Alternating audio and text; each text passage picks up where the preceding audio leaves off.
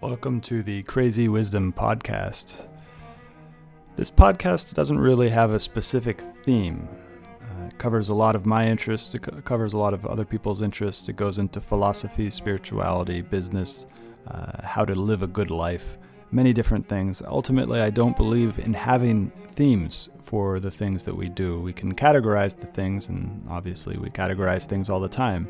Uh, but I like to keep things open ended, a continuous process of discovering the truth as it is. Uh, and the truth is tricky because we can't really get to the truth uh, exactly because the truth is nonlinear. It is, in the words of John Vervaeke, combinatorially explosive. Uh, even the truth of this window that I'm looking at, the window itself, the glass that makes up the window is combinatorially explosive. The cup that holds your water is combinatorially explosive. You cannot model that cup totally in your head. You're only getting an image of it in with your eyes and your brain. That's not the actual cup itself. Uh, so this this show is a discovery of truth wherever it may appear by talking to people from various different fields. I've talked to artists, engineers, entrepreneurs, investors, uh, refugees. I've, I've just talking to anybody who has a glimpse into the truth. Uh, and through this conversation, through this mutual inquiry into what is true, what is real, hopefully we get to something that is helpful for to you.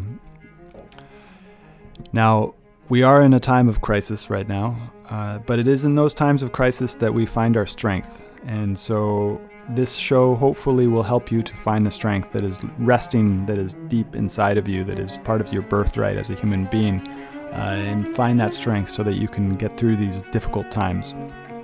Also, I want to let you know that I'm offering breathwork sessions uh, every day. I've got seven sessions a day. Uh, and really excited to bring this to people. People have been really enjoying it, and it has brought strength to people and courage. And, and that's my that's my goal is to help you find the courage to uh, not only survive but to thrive in the next couple years, maybe because this virus is not going away. Um, it, it, usually viruses come in waves. Uh, so this is the first wave. It will go away, and then it might come back. I'm not saying that I know for sure it will come back, but we are in this for the long haul. So this is a uh, marathon, not a sprint, uh, and I want to do everything I can to help you not only survive but to thrive. Uh, so. If you are interested in that, please find me on Twitter at Stewart Alsop III. My DMs are open. I'd love to hear about what you think about this show. Uh, also, it'd be very, very kind of you to both subscribe to the show on Spotify, Stitcher, uh, iTunes, many of the major pot plat- platforms. And if you're really feeling generous, go ahead and give a review on iTunes. So join me for the breath work. Just send me a message on Twitter at Stewart Alsop III with your email, and I'll add you to the email list where I'm sending out emails for the schedule. Uh, hopefully, see you there. Have a great day. Welcome to the Crazy Wisdom Podcast. My guest today is Mike Alfred. He is the co founder and CEO of Digital Assets Data, and he is also an investor. Uh, and we just met on Twitter hours ago and uh, talking about real estate and what's going to what the effect of covid-19 will be on real estate uh, because it doesn't seem like the effects are over uh, either, even though the market is somehow acting like it's acting right now uh, so welcome to the show hey stewart thanks for having me on yeah uh, so are you primarily interested in commercial real estate or uh, residential or both? Uh, I'm familiar and and have some experience with with both. Um, right now, I'm looking at residential, uh, particularly in markets that um, don't don't have as big of a you know commercial base. So like places like Las Vegas, where you know there there aren't that many great companies, let's say, that are domiciled there. So you're not moving there for a job but more and more i think people are going to be moving places that offer relative value in terms of quality of life cost of living.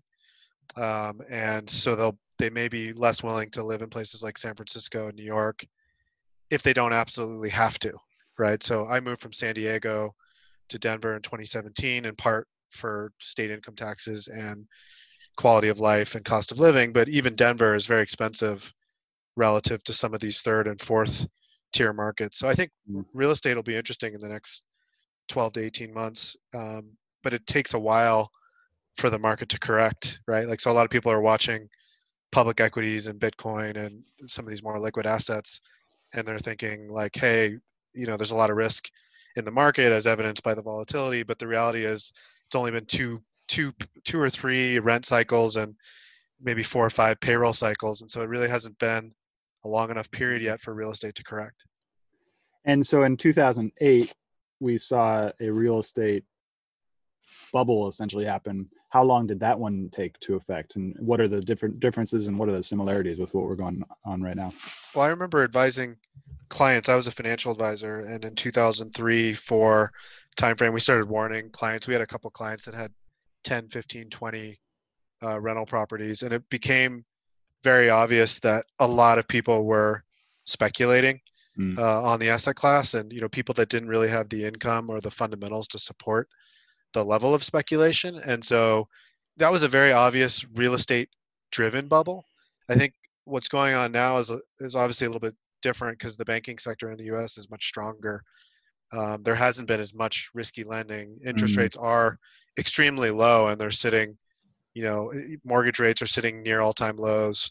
The the fed funds rate is sitting at near all-time lows right? And so it's not clear that there's a necessarily a huge bubble but when you have 25 or 30 million people out of work if if the economy doesn't recover quickly you could see these knock-on effects you know where all of a sudden people who thought they could afford a 500 or 700 thousand dollar house uh, just can't because they don't have any income for some extended period of time and so you could have people looking to dump you know their primary residence even. And i think you're starting to see that. Like i have been watching las vegas very closely and las vegas has a lot of new inventory mm. coming on the market. It doesn't seem like very much at all is selling.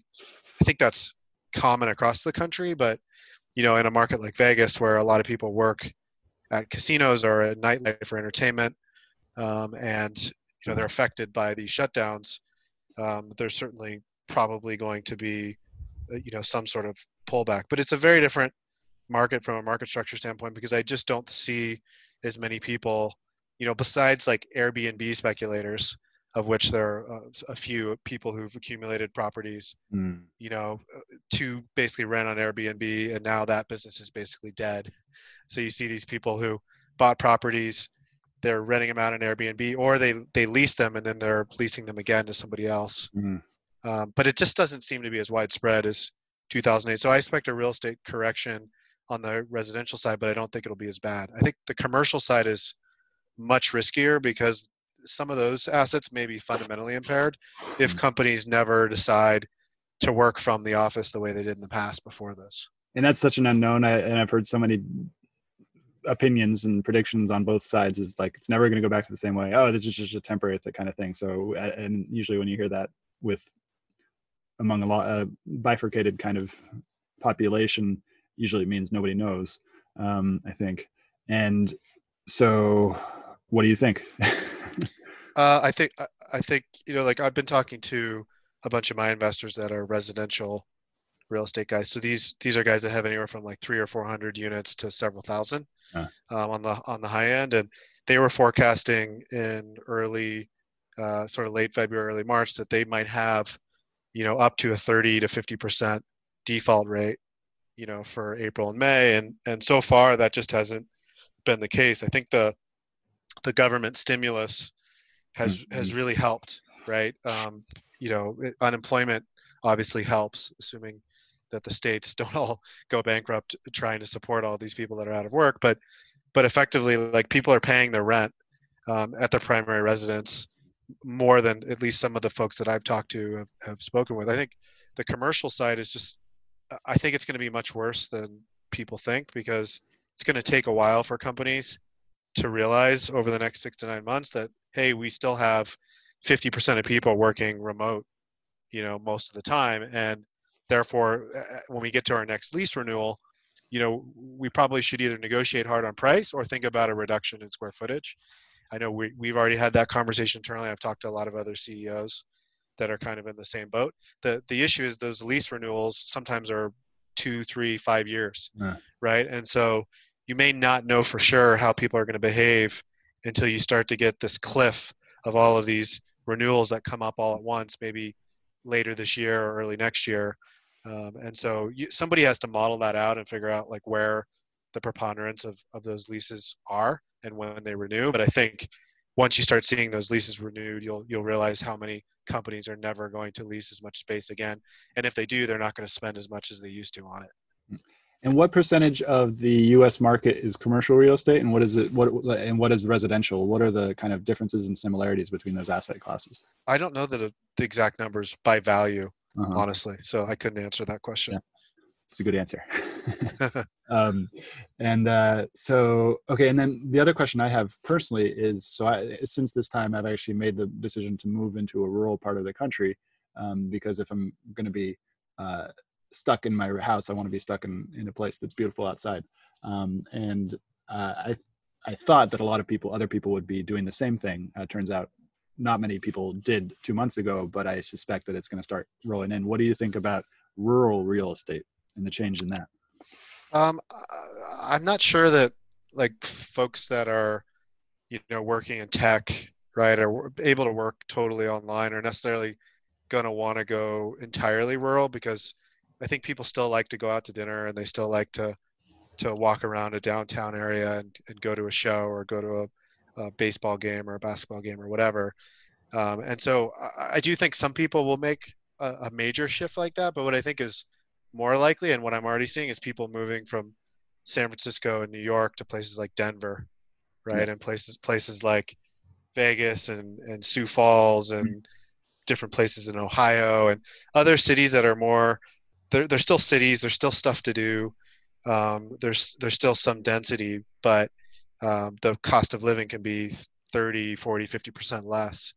Um, and so we made that move from the west coast to colorado and uh, uh, you know that was late 2017 and it's been incredible i mean the lifestyle mm. the quality of living the, the cost of living the people um, also by the way living in the middle of the country makes it easier to travel mm. so if you if you live in a place like denver austin you know you can be on both coasts uh, in time for lunch right you wake up in the morning hop on a plane and and you're there for breakfast if you're going to the west coast and you're there for lunch if you're going to the east coast um, and i think that's really attractive in an environment where you don't have to live right by your right by your uh, company. So I think, you know, uh, there will be people that want to have chickens and, uh, and goats and and cows and want to live on three acres. Um, but I'd be surprised if that's a real uh, a real trend when we look back on this five or ten years from now. Yeah, and that's and that's something that's already been happening. So it's something that you think will just basically put more gas on the fuel uh, or more more gas on the fire that people will continue to move to these maybe second tier, third tier cities? I think this is going to be a huge acceleration. I know I, I already kind of did it 2017, but we're thinking about doing it again, right? We're thinking about going from one kind of lower cost city uh-huh. to an even lower cost city because I'm realizing I don't really need to live yeah. anywhere. I do like living in a city like Denver that has a world class airport with direct connectivity to pretty much every other major city in the U.S. That's that's very attractive. But I'm hoping that five years from now, I won't be traveling every week. Mm. Um, I think a lot of that behavior is already starting to change. Like I may be back on an airplane to New York uh, this summer. Maybe maybe go to New York two or three more times. But on the pace I was before COVID, I was going once or twice a month. Yeah. Right. And so living in Denver made a lot of sense. Now, if I'm only going to be going to New York once a quarter or less, now it's sort of like the whole world is a, is a possibility. So I think people will move to places that offer the lifestyle. So people move to Colorado because they want to be in the mountains, right? That's just the bottom line. They want to be in a natural outdoor place. They want to ride bikes. They want to ski, right? And they also want to live in a place where the air is clean and it's a little bit smaller and slower. Like if you walk around downtown Denver, it just feels different than New York or San Francisco. It feels safer. It feels cleaner. Feels slower um, and yet there's still a lot happening economically, right? Mm-hmm. So it's it's kind of a nice hybrid between a true rural environment and you know a big city. Yeah, and that's the place I'm at. Is there is a small there's a small town. It's really cute. There's all the things I like to do, um, but it's in the middle of the forest, and uh, and within 15 minutes you're deep in the forest, uh, and so that's and almost to the mountains as well, or in the foothills, and so it's really interesting because for me now over the past month and a half i like doing all these things in the city but that just became not an option in san francisco so i got out of the city um, and then now i'm starting to think about all these other places like montana or Idaho or Wyoming. Are there any cool cities in those areas? Yeah, they're they're wonderful. I've actually have way more experience um, in Wyoming than most people, right? So like Jackson Hole's become kind of a well-known place over the last 20 years, and mm. people like Kanye going there certainly shines uh, brighter light on it. But I've been going since eh, since 2009, 2010, pretty much every year. I rented a house there for 30 days in 2013, 2014 over the summer. My favorite time of the year is actually mid-July through mid-August um, the Tetons are just absolutely gorgeous. And mm. Jackson's a really unique uh, sort of mountain community because it's a it's sort of a collection of different communities in one valley. You've got the village, you've got the town of Jackson, then you've got Wilson, and then you can pop over the pass to Victor and Driggs and over on the Idaho side. And so you've got these little c- connected communities all attached. Um, and it's surrounded entirely by national forest land. So you've kind of got you've got the Gros Ventre Wilderness, you've got Bridger Teton, You've got Yellowstone in the north. It's sort of bounded on all sides. And then, of course, you've got the Grand Teton National Park. And so you've got this very limited amount of land, very quiet, peaceful most of the time, although it's getting more and more crowded. Um, and just absolutely fantastic and gorgeous. All that said, there's still a, a world-class cocktail bar, you know, right in the in the city in the town center. Yeah. There's some amazing restaurants, you know, top tier restaurants, like t- probably 20 or so in the Jackson area that that would rival some of the better restaurants, you know, in New York. And so I like that kind of hybrid of being able to be kind of off the grid outdoors, but also be able to drive into town and grab a drink with a friend and uh, it, in one place. In my mind, Jackson Hole seems like it would be unaffordable uh, to let's say like a you know um, um a, a somebody and not a software engineer in San Francisco because they can afford pretty much anything, but let's say maybe like a somebody working in tax accounting in Sacramento. Um, is it unaffordable to somebody like that? So it depends on how you want to live, right? So if you want to buy an acre and put a house on it, that's in most spots around Jackson within sort of 15 or 20 minutes of the town square, that's going to set you back a couple of million, mm. you know, at the low end, right? So it's absolutely not affordable if you want to buy you know a house with four or five bedrooms on an acre or more with you know reasonably nice finishes right but if you want to just if you're moving there as a single person and you just want to rent you know a, a townhome in the aspens you can find stuff for two three thousand mm. a hmm. month which is still might be a discount over your apartment in the mission in san francisco or your apartment in in midtown manhattan or brooklyn mm-hmm. so i would say it really depends on how you want to do it like if, if i was going to move full time to a place like jackson i'd want to buy two or three acres with a view of of the Grand Teton and put a you know three or four bedroom house on it, um, and that's something you really kind of can't do without a liquidity event or some wealth before you move. But certainly, if you have you know a few million bucks to start, um, Jackson's a really nice option. You know, I love Montana too. I, I love Idaho. I love um, pretty much everything in that region. I mean, we recently went to Santa Fe, New Mexico. That's another uh, world class option. It's up high you know up at six or seven thousand feet you can drive to ski resorts in 30 45 minutes uh, it's beautiful in the summertime right? It's got kind of the southwest cuisine and culture.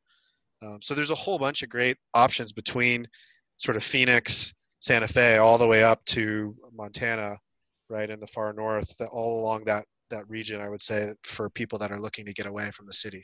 It really is the west coast. It seems like something is really special about the west coast united states at this moment in time where uh, you know, because we don't know the long term effects of COVID 19, but it seems like they're, it's a pretty cool spot to be where you're out in nature. You're not, there's not too many people. Because the thing I've been thinking about a lot recently is that in Florida, you have to close the beaches because the beaches, you don't like, there's so many people there that go to these beaches that, that they're all within six feet of each other. Same thing in Rio de Janeiro.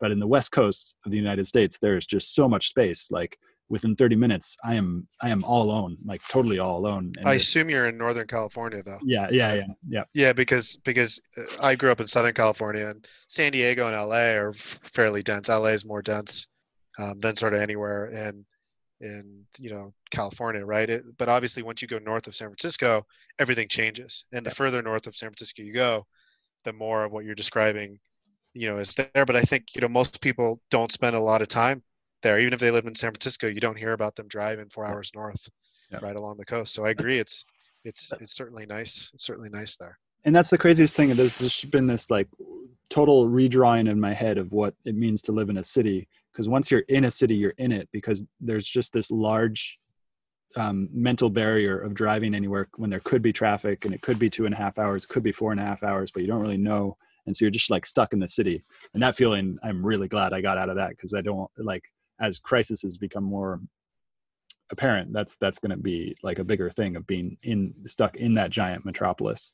Um, agreed and i think there are differences though. I mean if you live in midtown manhattan you're not going to be out in the countryside for an hour an hour and a half and that's mm. assuming like no traffic right?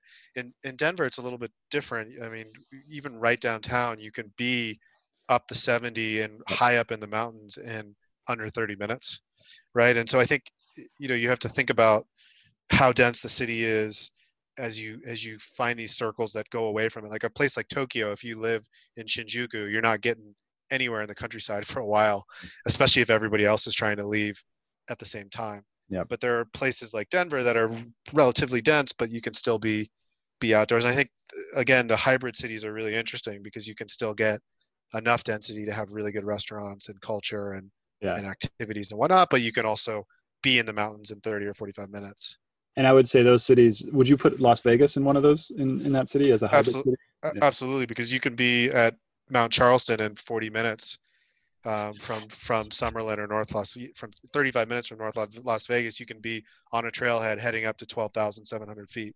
Is there snow on there during the winter?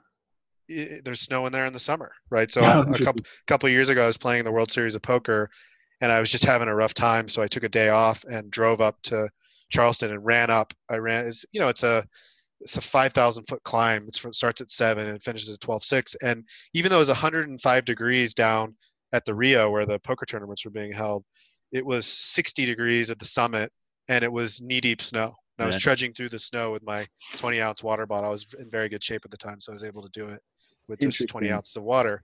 Um, but you know, you're looking back down towards Vegas, and you're on top of a 12,600 foot peak, and it's 60 degrees and you know it's 105 degrees down there. It's really interesting the the comparison between the temperature at the you know 2000 foot level versus 12 in the summertime. So you could do you could do the same thing in palm springs right? If you climb san jacinto the cactus to clouds trail you can start almost near sea level and finish at i think it's 10 6 is uh jacinto i've run that one a couple times. Uh, so let's go through and catalog the, the hybrid cities in the west in the west coast. Would you put um, sacramento on that? Yeah sure because you can from sacramento you're much closer to tahoe mm-hmm. right? And you could and the american river and being able to get kind of outside of the city i'd say that's an affordable option for people that want to live in california. I, I, before you go into that though what i one last thing i'd want to say about the cities i think it's really important if you're going to make a long-term move to consider your tax ramifications. Uh, so all things being equal, you definitely want to choose one of the seven zero state income tax states yep. versus going with a very high income tax state. So Nevada, Texas, Wyoming, South Dakota, mm. um, Alaska, Washington, uh, Florida, right, are much better options on average than say California or Massachusetts, right, or mm. uh, states like that that have higher state income taxes because you know a lot more people i think are going to be living off their investment returns in the next 50 years. And i think choosing a state that's well run from a budget standpoint and that has low state income taxes is is in my mind a first order uh, decision. And i want to go into that question about why will people become uh, more dependent on income uh, because we're now seeing you know levels of unemployment that, that rival the great depression. So employment as a way to make money seems to be tanking. Would you would you say that's ac- accurate? So there's the short term like shock, right? Yeah. There's the short term 30 million people out of work, boom, right? But if you look at a year or two from now, I think most of those people will go back to work, if not in the same type of field, they'll go into some adjacent area, right? So maybe that's overly optimistic, but but uh, that's not really what I'm focused on. What I'm talking about is the longer term trend where machines and data are going to do more of the heavy lifting yeah. right? So so you're going to have quants you're going to have ai you're going to have right you're going to have all these sort of jobs that that you, you'd call grunt jobs 50 or 100 years ago that frankly just aren't going to exist.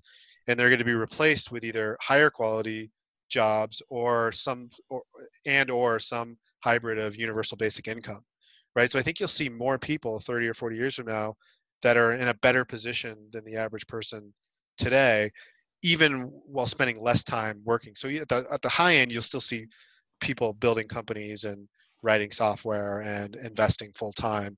Um, that probably won't change much. Um, but I think at the lower end, there'll be, you know, every Uber or Lyft driver eventually is going to be a self-driving car.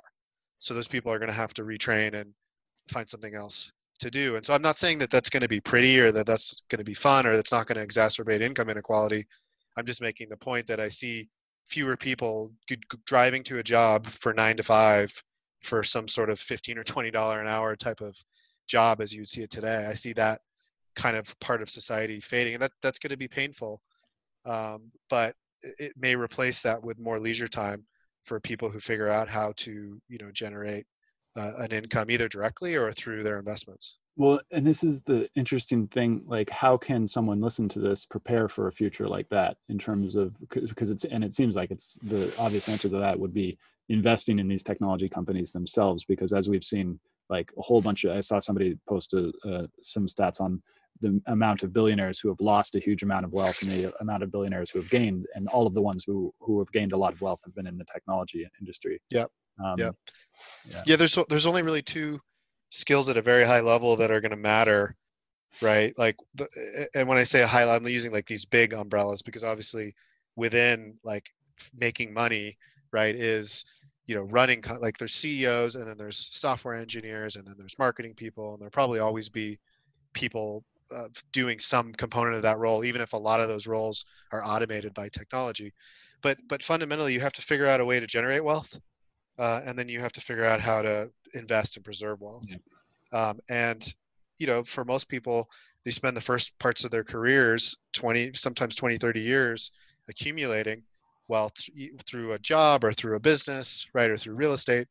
And then all of a sudden they wake up at 50 years old, or if they're lucky, or 60 or 65, and then it's like all of a sudden they're really responsible for preserving and investing. Mm. And so uh, I've kind of pursued on a parallel path. Like I'm a software entrepreneur. I've made most of my wealth through building a company and selling it. But I've also been fascinated with investing for more than 20 years now since I started investing and trading stocks in my Stanford dorm room in the late 90s.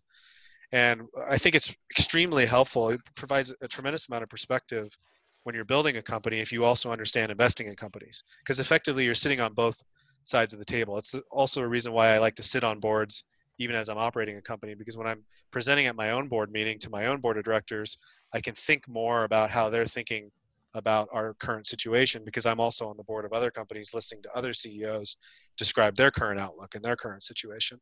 And I think doing both well, you know, both operating businesses or building businesses or being a good software engineer or just being a good employee, um, and then also learning how to invest the money you have. I think most people spend way too much time on the first one and not enough time on the second one because they think they don't have enough money to learn how to invest. Mm.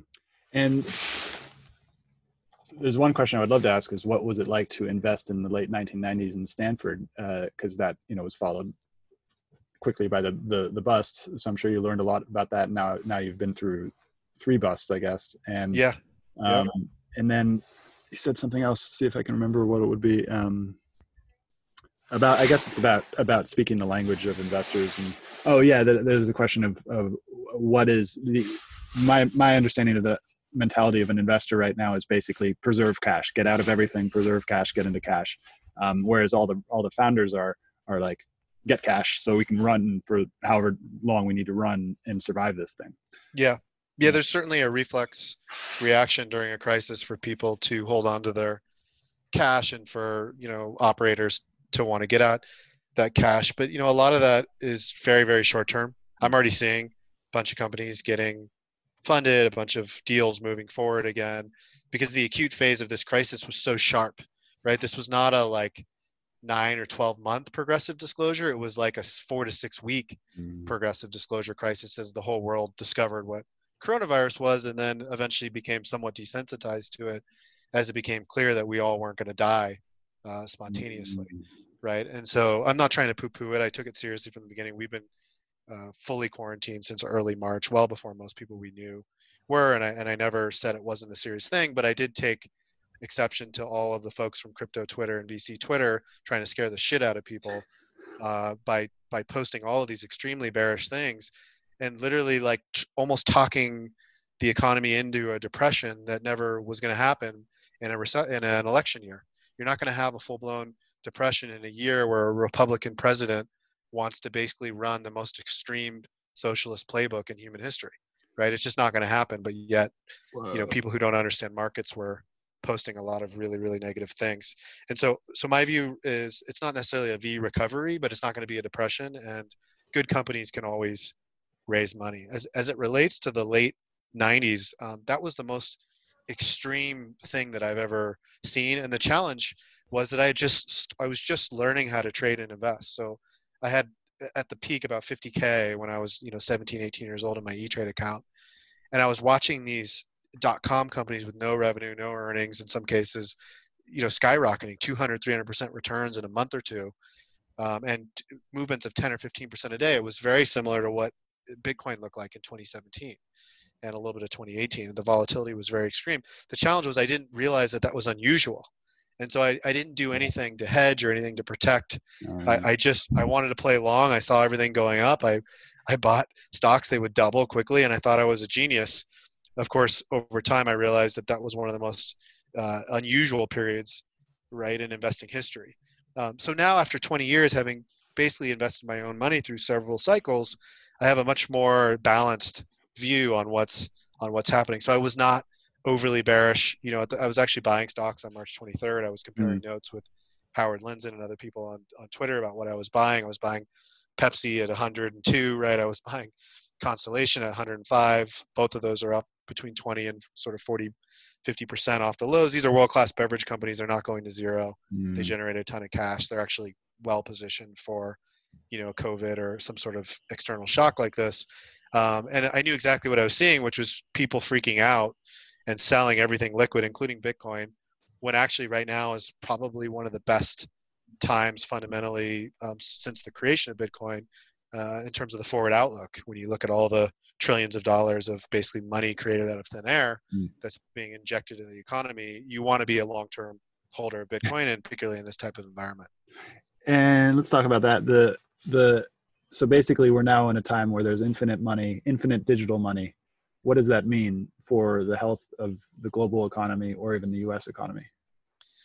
So you have to separate the the sort of like suspended reality of of printing and injecting and and debt right and mm-hmm. debt monetization like uh. you, you, have this whole kind of parallel world of of the fed and governments and treasury right just throwing money to, to prop the thing up you have to separate that from how how mm. innovation right and how mm. company earnings and how you know demographics and these other fundamental factors are going to drive long-term returns. Mm-hmm. And so I think I think people are conflating the two things, but then even within the the sort of equity conversation, they're conflating these really extended high growth large US companies, right, with all of these small value and international factors, right, when you look at equities globally that are actually relatively cheap historically. Mm-hmm. And so yeah, like if you look at the S&P 500, it may look a little expensive because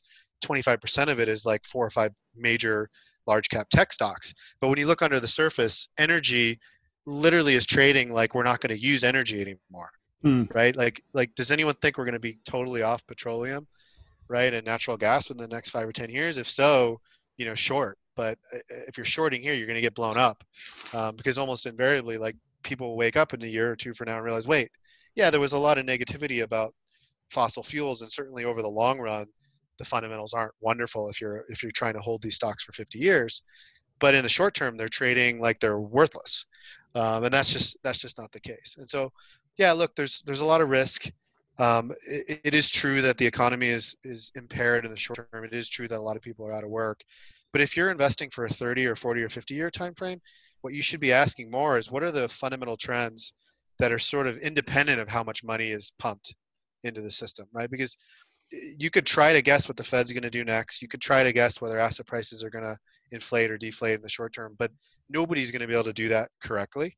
What you might be able to do correctly, though, is ask, you know, do you think that technology is going to be more or less important 10 years from now? Right? Do you think that international companies, international economies will eventually recover? And if so, do, do I want to pay an unusually low multiple uh, for those future earnings today? And if the answer is yes, then you should pretty much ignore a lot of the drama and a lot of the mm-hmm. arguments on Twitter about money printing and all that stuff, because all that's going to do is distract you from you know the investments you should be making if you have a long-term time horizon.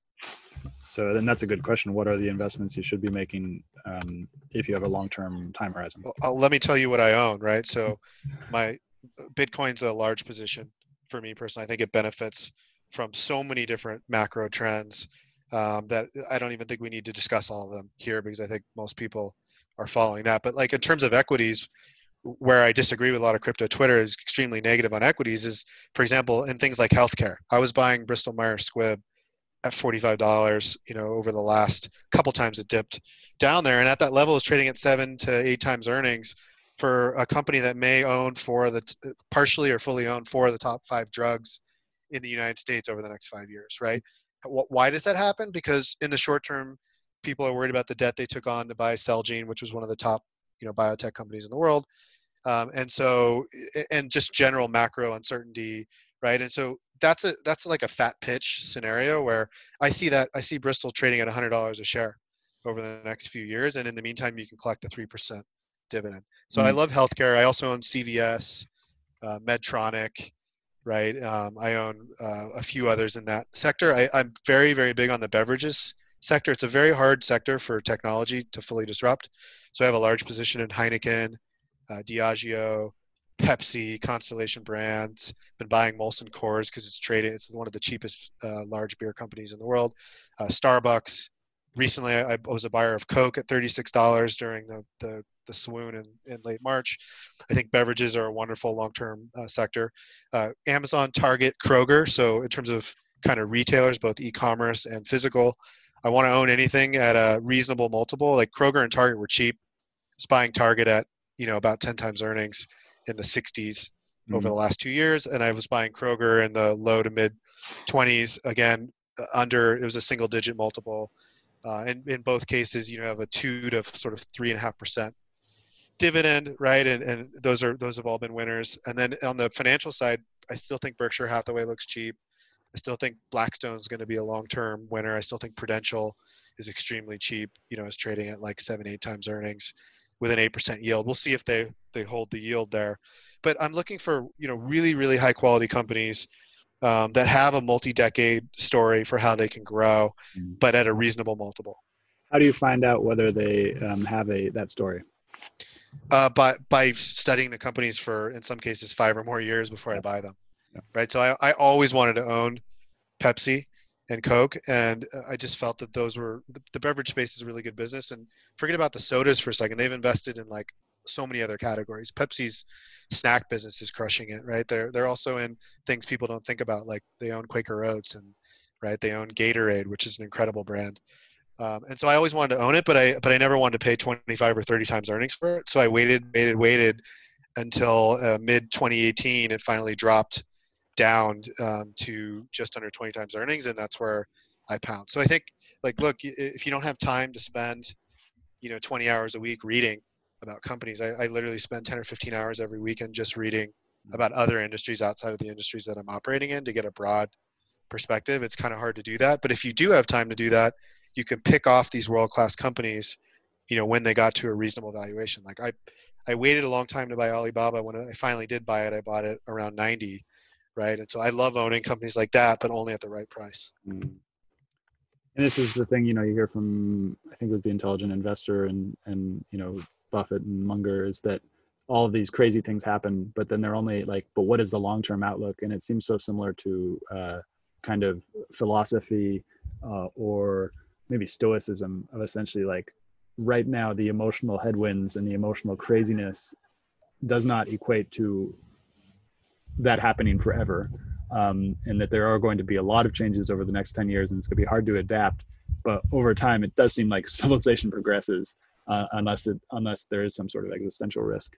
What do you think about yeah, that? and, and there are going to be some things like crispr right? There are going to be some things in biotech that are really not they're really not like the outcomes as an investor there are going to be based on the success of the technology not on like necessarily demographics or oh. not necessarily on interest rates or any of these other macro factors like they're somewhat immune to it because if crispr works it's going to revolutionize genomic medicine and, and enable these cures to be sort of customized for people right for individuals like this sort of personalized medicine movement so i uh, you know i love that like large value uh, opportunities but i also you know own a lot of right now. Like i own a lot of REGENXBIO which has been a big winner for me. I own a lot of iovance biotherapeutics. I own both editas and crispr in the crispr space. I own mm.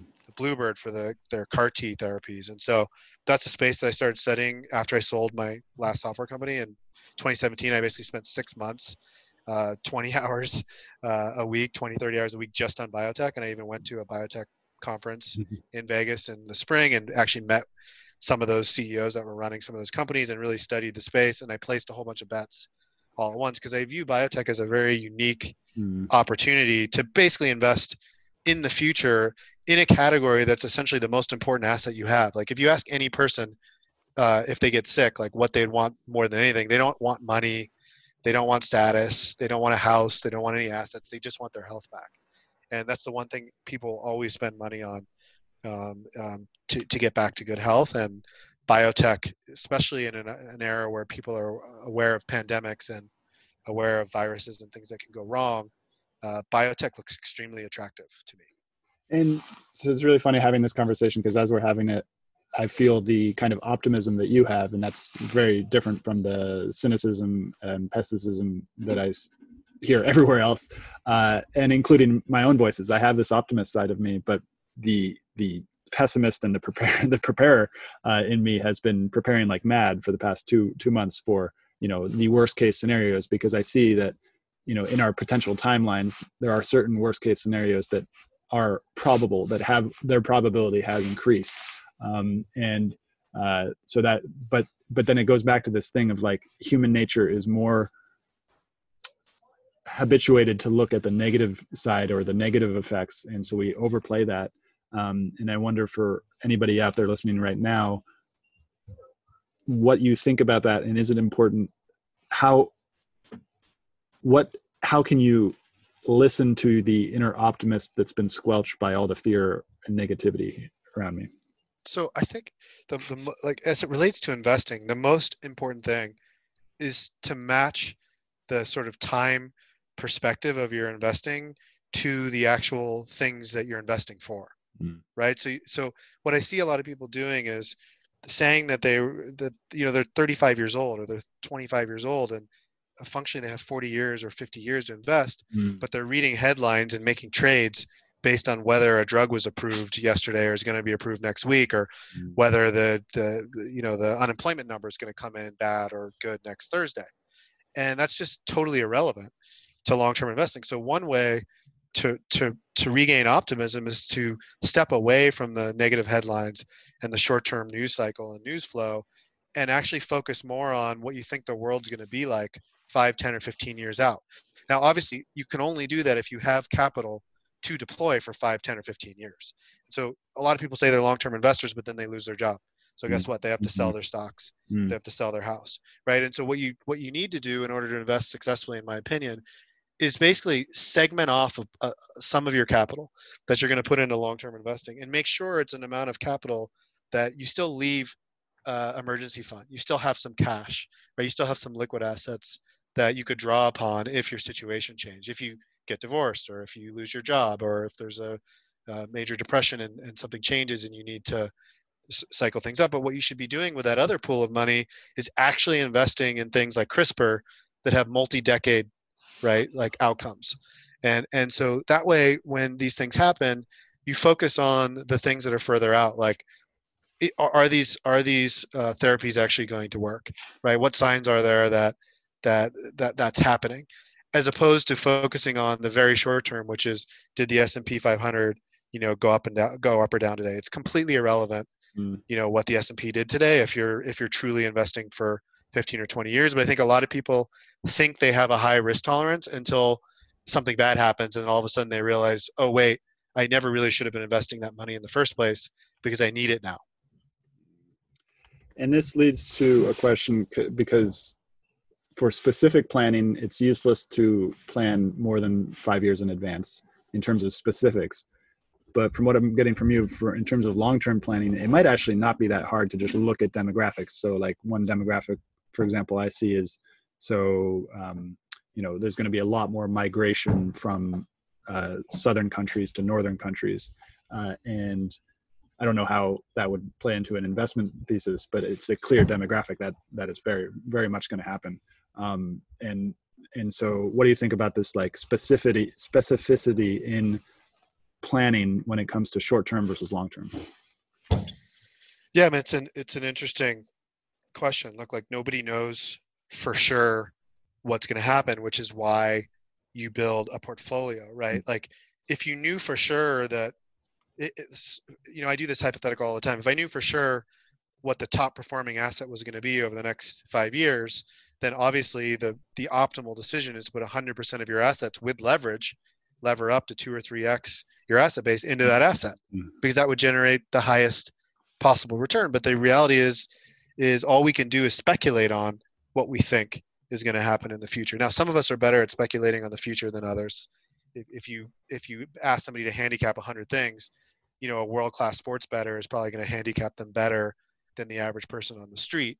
Um, but even within that, like the better you are at speculating, the, maybe the more concentrated your portfolio should be, but you should still have some diversification, um, which is an honest recognition that you don't know for sure what's going to happen, right? So, like, let, let's say we laid out a few things right now, like we believe more money is going to be digital in the future, right? So, therefore, we believe, you know, things like Bitcoin should should have a future five years out or we believe that you know more medicine is going to be personalized and more therapeutics are going to be you know gene therapies right like those might be two ideas you you believe about the future and you think with a high probability that those are going to happen well then obviously it makes sense to allocate yep. 5 10 15 20% of your portfolio to those ideas and i think as long as you put long-term money behind those ideas uh, all you really need to mo- sort of monitor over those five or ten years is are the trends still moving your direction yeah. you, you don't have to guess like specifically which c- cryptocurrency is going to be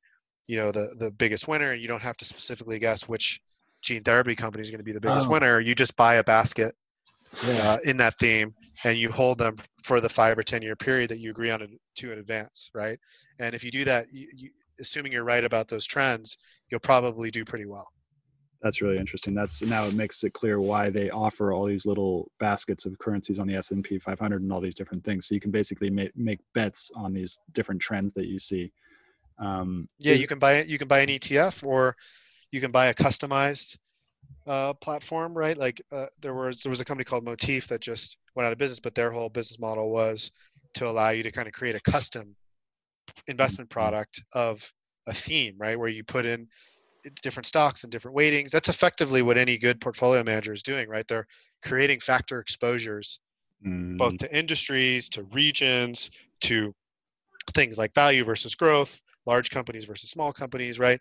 And in creating a portfolio that expresses their views about the world using the weightings to express higher conviction versus lower conviction, right? So I have a very high exposure to beverages and healthcare because I have a very strong belief that over five or ten years, not only are those sectors that have wonderful um, tailwinds, they're they're almost impossible to be fully disrupted by Google or Amazon, right? So I don't see Amazon disrupting Heineken uh, as the number one light lager within the next 10 years globally, right? It's just that's a multi-decade problem to solve in terms of both creating the product and then having the distribution. And I also don't see Amazon owning four of the top five drugs in the world by 2025. Therefore, I allocate a higher percentage of my portfolio to BMY and Heineken than I would to a company that I think is right in the line of sight for easy disruption as low hanging fruit for some of these big, you know, monopolist technology companies. Mm, so interesting. Okay, so let's take about five minutes more, and I'd love to ask you this question: If what is a question that I should have asked you but I didn't? Oh man, that's a that's a hard one. Um, maybe ask me what things that I've that I've uh, what things have I learned um, from investing not to do. How about that? That sounds like a good good one. What is the answer? Um, so one of the things that I've learned is that the sometimes if you have a position that's too large, you end up focusing on it too much um, to your own detriment. And so, you know, sometimes an easy way to make money is is size down a position, mm-hmm. even if you believe heavily in it. Size it down initially. What am, what amazingly seems to happen when you do that is the position performs better than expected. Mm. Um, the alternative I've found to be true when you size up a position, maybe you go overweight something that you feel like you have really high conviction on for whatever reason it's like like the universe is conspiring against you. It tends to move against you and and cause you to have emotions that you wouldn't otherwise have yeah. if you had sized it at the right size. So whether that's using leverage or just sizing up more than you normally do um, i think it's smarter to come in with a smaller position. And even if you have to average up um, because you end up being right and the position moves aggressively your direction i prefer that to building a big position and immediately being upside down 10 15 20% um, you know in a downside scenario. And from what i'm getting from you as well is that you have all these positions and basically and and you want to make them as diverse and as um, anti-fragile is the word i guess i would come from is like that if you really believe in the long-term growth of our economy that that there's all these little things that are going to change and they're going to turn into big things and then kind of wheelbarrow everything else um, and so to kind of keep it as varied and diverse as possible. Yeah so there look there's a there's a you, you kind of want to have a bunch of things in your portfolio that are not correlated because you don't want mm-hmm. everything zigging when when everything else is zagging right? You don't you, you want to have things that behave differently but i wouldn't say that everything for me at least i invest in innovation a lot through bitcoin through you know building my own company through investing in startups um, and to some degree via investing in biotech and, and Amazon and Alibaba, et cetera. But a lot of my largest positions are actually not bets on necessarily the world changing dramatically, but more on um, certain things staying somewhat yeah. the same and then being able to take advantage of the best companies in those sectors. Like, I don't think uh, people are going to stop taking drugs, right? Like legal prescription drugs in the next 50 years. I don't think people are going to stop needing healthcare. I don't think people are going to stop drinking alcohol. I don't think people are going to stop shopping. I don't think people are going to stop needing implants. I don't think people are going to stop buying insurance. Right. So some of these things that are right, like if I'm wrong about those things, yes, I will lose money in my investments. But if I'm right about those things and I buy some of the best companies in each one of those sectors at a reasonable price, right? So every one of those companies that I mentioned previously, I, I waited a long time to buy them and I bought them mm-hmm. when they were trading at sort of the low end of the range. So I am betting on the future because I do think people will keep taking prescription drugs, but I'm also betting on a future where people, you know, don't really change their behavior that much. So it's really not a bet on mm. change. It's a bet on things staying the same and for the best companies in those segments just to kind of continue their leadership position yeah so and that and that that reminds me of this essentially like 10% putting 10% of your wealth in risky assets that have a high upside and then keeping 90% conservative uh, kind of like the things that don't change basically. Yeah and, and the funny thing though is in this type of environment mm-hmm. you kind of you kind of have to redefine what's risky and what's what's safe right? And so you know right at the moment where an asset looks the safest like right now bonds have performed so well for 30 years everybody's been saying for a long time that they're going to get risky I don't know who like is buying bonds for more than a trade right now. Mm. Um, but that said, bonds could go up a lot more before they turn around. But in my view, owning like 20 or 30 year bonds right now is extremely risky.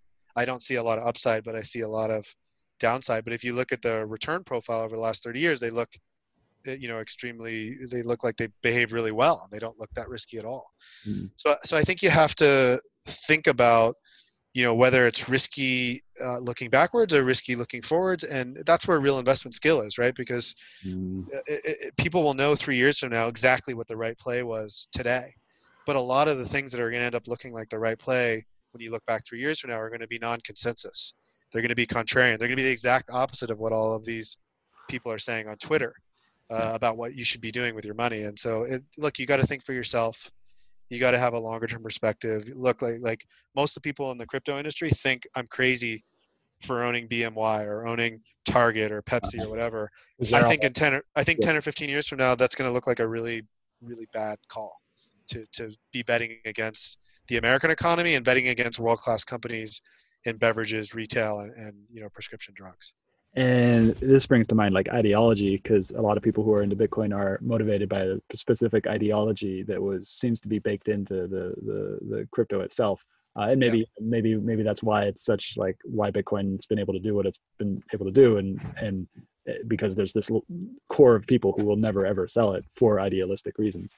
Um, but uh, but yeah what do you think of that? So i think the bitcoin maximalist and the people that are really hardcore uh, you know the, the people who basically say banks are fraudulent and you know the federal reserve is criminal and you know the only the only good place to save your money is in bitcoin like even though I think that view is somewhat extreme, I think the next 10 years will prove out that Bitcoin was a winning asset to own and that a lot of those ideas hmm. were in fact correct. What I take issue with is this idea that like the whole world has to fail and all the traditional systems and governments and all the things the status quo essentially has to end in order for Bitcoin to win. Mm. I think a lot of that is just people who want to accelerate the adoption of Bitcoin. And so it's important to them to see banks fail because that's a sign that Bitcoin's working. I think JP Morgan and Bank of America can thrive and Bitcoin can thrive at the same time. And that's not a consensus view uh, in, in the crypto. I wonder what the lessons I wonder what lessons JP Morgan is going to learn from the existence of Bitcoin about how they run their traditional business.